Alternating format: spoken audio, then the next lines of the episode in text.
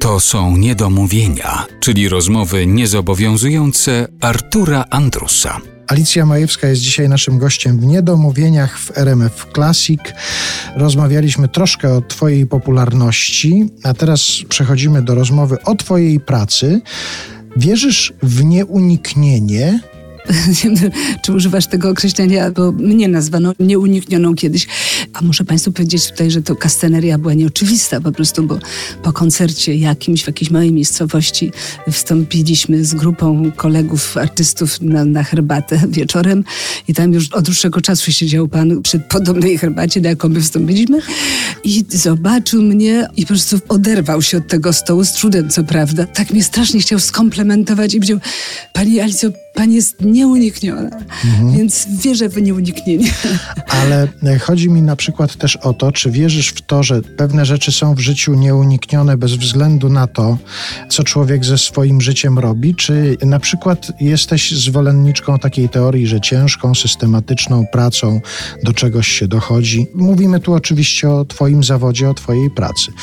Czy ta praca była rzeczywiście przez lata ciężka, systematyczna, żeby do czegoś dojść, czy po prostu był taki błysk i Alicja Majewska stała się tą Alicją Majewską, dlatego że to było nieuniknione. Nieuniknione w jakimś sensie musiało być to rzeczywiście, że po tej żmudnej, ciężkiej, długotrwającej już drodze zawodowej rzeczywiście znajduję się w takim miejscu, w jakim jestem, bo jestem, zaprosił mnie pan Artur Andrus na rozmowę do Radia To było nieuniknione. To, to było nieuniknione. nieuniknione.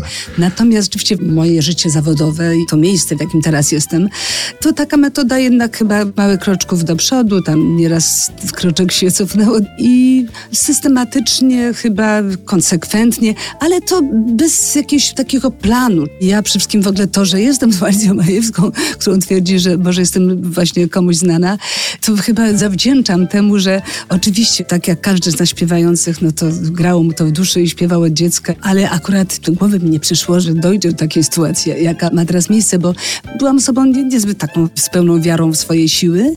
Miałam szczęście, że ktoś we mnie wierzył.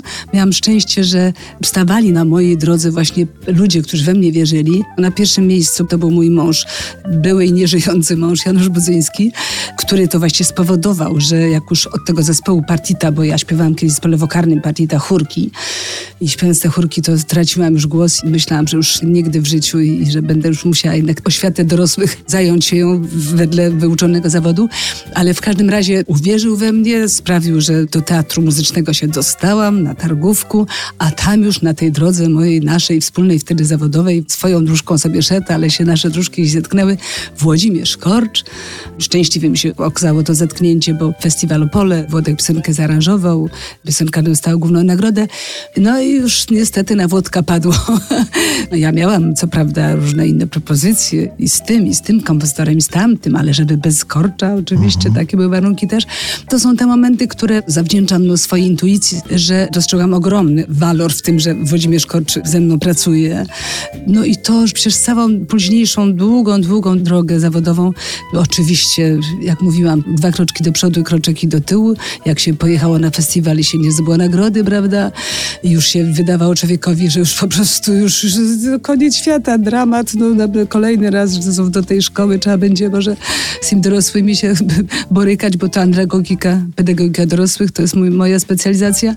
I ta praca, o właśnie, tu przypominam sobie taką sekwencję, złotą myśl mojej profesor śpiewu, pani Olga Łada z pochodzenia Rosjanka, kilkanaście lat uczęszczałam do niej na te lekcje emisji, powiedziała, że pracą tylko można udowodnić komuś, że w danym momencie nie miał racji. Na przykład to, że jak nie wygrałam tego festiwalu w Sopocie, ale uśpiewać, starać się tam no, być coraz lepszą, kolejne jakieś szczęśliwe momenty w życiu zdarzą się, ale to ja sama, gdybym nie miała wokół siebie no właśnie tego Włodka Korcza, który sprawiał, że, że praca z nim, że jego kompozycje, że jego piosenki, prawda, no, że pisał dla mnie, nie stracił wiary we mnie, że że jednak dźwigam te piosenki. Gdyby nie pisał tych piosenek, gdybym nie pojechał czas czasu właśnie znów gdzieś tam stanął jakiegoś konkursu, czy w Opolu, czy w jakimś Rostoku, to być może, nie wiem, kto już pamiętał bardziej Majewską.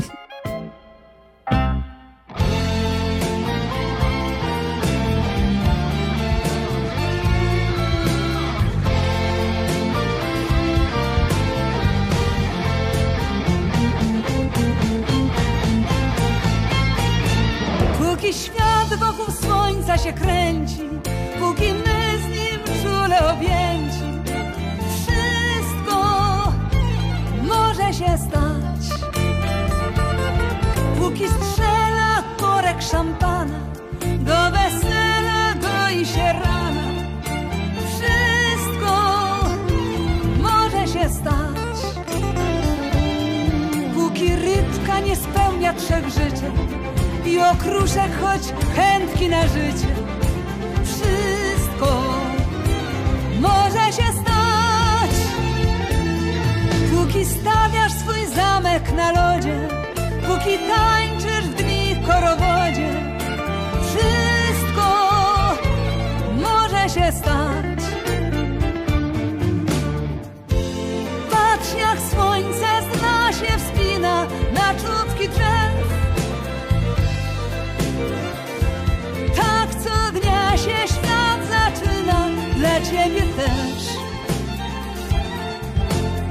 Jeszcze będzie czas posprzątać, wychylić tram. Ale teraz gra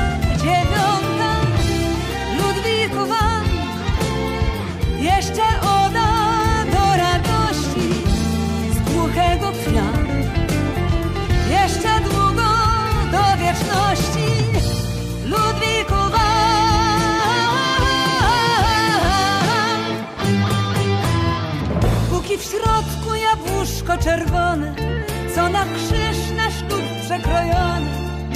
Wszystko może się stać.